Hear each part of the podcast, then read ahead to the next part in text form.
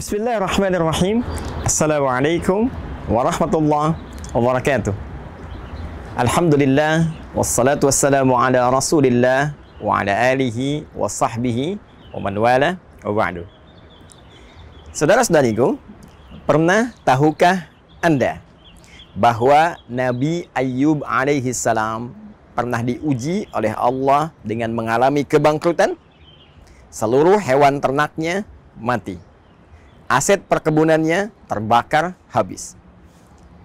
Pernah tahukah Anda bahwa Nabi Ayub pun alaihi salam pernah diuji oleh Allah Subhanahu wa taala dengan diwafatkannya seluruh anak keturunan 12 anak keturunan wafat dalam waktu yang bersamaan. Pernah tahukah Anda bahwa Nabi Ayub alaihi salam pun pernah diuji oleh Allah dengan satu ujian penyakit yang tidak biasa, tak pernah dirasakan oleh orang sebelumnya dan tidak pernah dialami oleh manusia setelahnya. Dan pernah tahukah Anda dalam setiap ujian yang dirasakan tadi tak pernah hadir di lisan beliau kegelisahan yang diungkapkan dengan segala cacian, tidak pernah ada makian, tidak pernah ada rasa pesimis, tidak pernah ada keluhan yang berlebihan?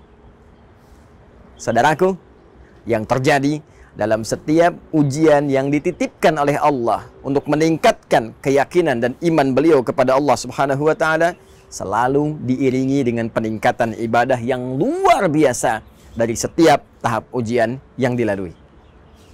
Beliau justru baru bermohon kepada Allah Subhanahu wa taala agar dianugerahi kesembuhan saat penyakit yang dimaksudkan mulai terasa menghambat kualitas ibadah beliau kepada Allah Subhanahu wa taala.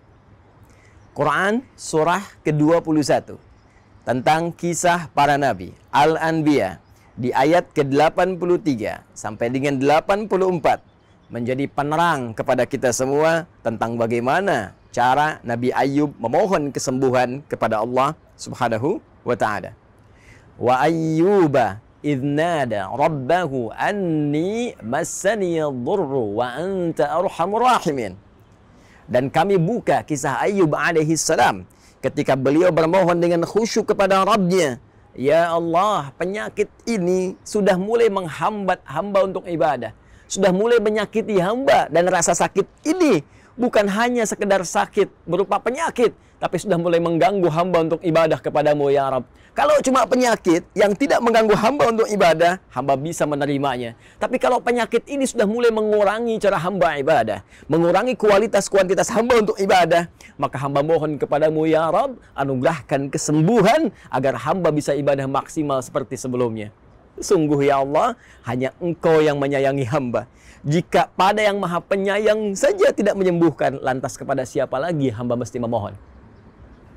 Pernah tahukah Anda ketika kalimat ini dipanjatkan, bagaimana respon ilahi dalam menjawabnya?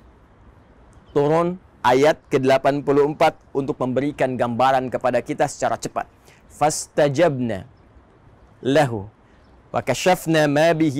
dhurnin wa atainahu ahlahu wa mithlahum ma'ahum rahmatan min indina wa dhikra lil 'abidin. Tidak menunggu lama, Allah langsung merespon seruan hamba terkasihnya. Pada masa itu, Ayub alaihi salam, kami langsung jawab doanya. Perhatikan kalimat Qurannya. Kami langsung jawab doanya tanpa jeda menggunakan huruf fa, harfu atfin rabitin baina syai'aini bila hudud.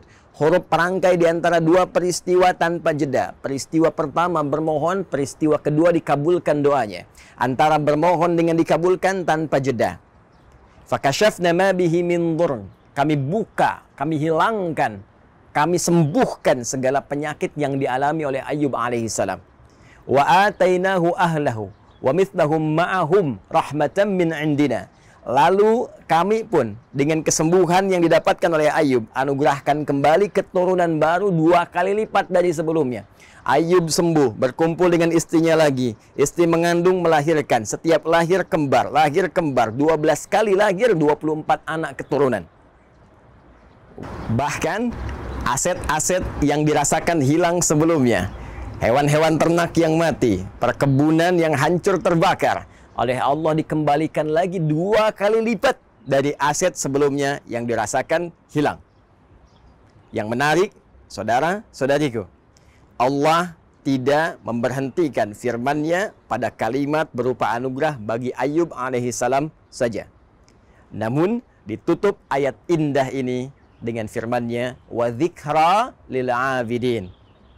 Dan seluruh kisah ini saya buka kata Allah untuk menjadi pengingat, menjadi pedoman, petunjuk lil abidin bagi hamba-hamba Allah yang saleh bagi hamba-hamba Allah yang mengerti, yang mau belajar dari setiap tahap-tahap ujian kehidupan. Seakan Allah ingin memberikan kesan kepada kita, hamba-hambanya yang hidup di masa kini. Saya buka kisah Ayub alaihissalam, boleh jadi kisah ini akan dialami oleh orang-orang di masa depan dengan keadaan yang berbeda, tapi substansi yang serupa. Bukankah di antara kita saat ini pernah mengalami kebangkrutan dalam usaha? Adakah di antara kita saat ini yang diuji dengan wafatnya satu atau dua anak keturunan? Adakah di antara kita saat ini yang diuji dengan penyakit yang tidak biasa? Namun bagaimana kita bersikap terhadap Allah Subhanahu wa taala dengan sekian ujian yang kita rasakan? Jangan-jangan alih-alih meningkatkan ibadah, betapa banyak keluhan keluar di lisan kita. Betapa banyak makian yang tidak pada tempatnya mengeluh di lisan kita Betapa banyak kegelisahan hadir dalam hati melahirkan prasangka buruk terhadap Allah Subhanahu wa taala. Pernah tahukah Anda bahwa ayat ini diturunkan untuk memberikan pedoman kepada kita serta tawaran jika Anda mampu bersikap seperti Ayub, meningkatkan ibadah, optimis pada anugerah Allah, sabar dalam menjalani ujian, boleh jadi ayat ini juga memberikan satu harapan kepada kita untuk mengabulkan apa yang selama ini kita mohonkan dan anugerah dua kali lipat dari apa yang pernah kita dapatkan. Pernah tahukah Anda? Assalamualaikum warahmatullahi wabarakatuh.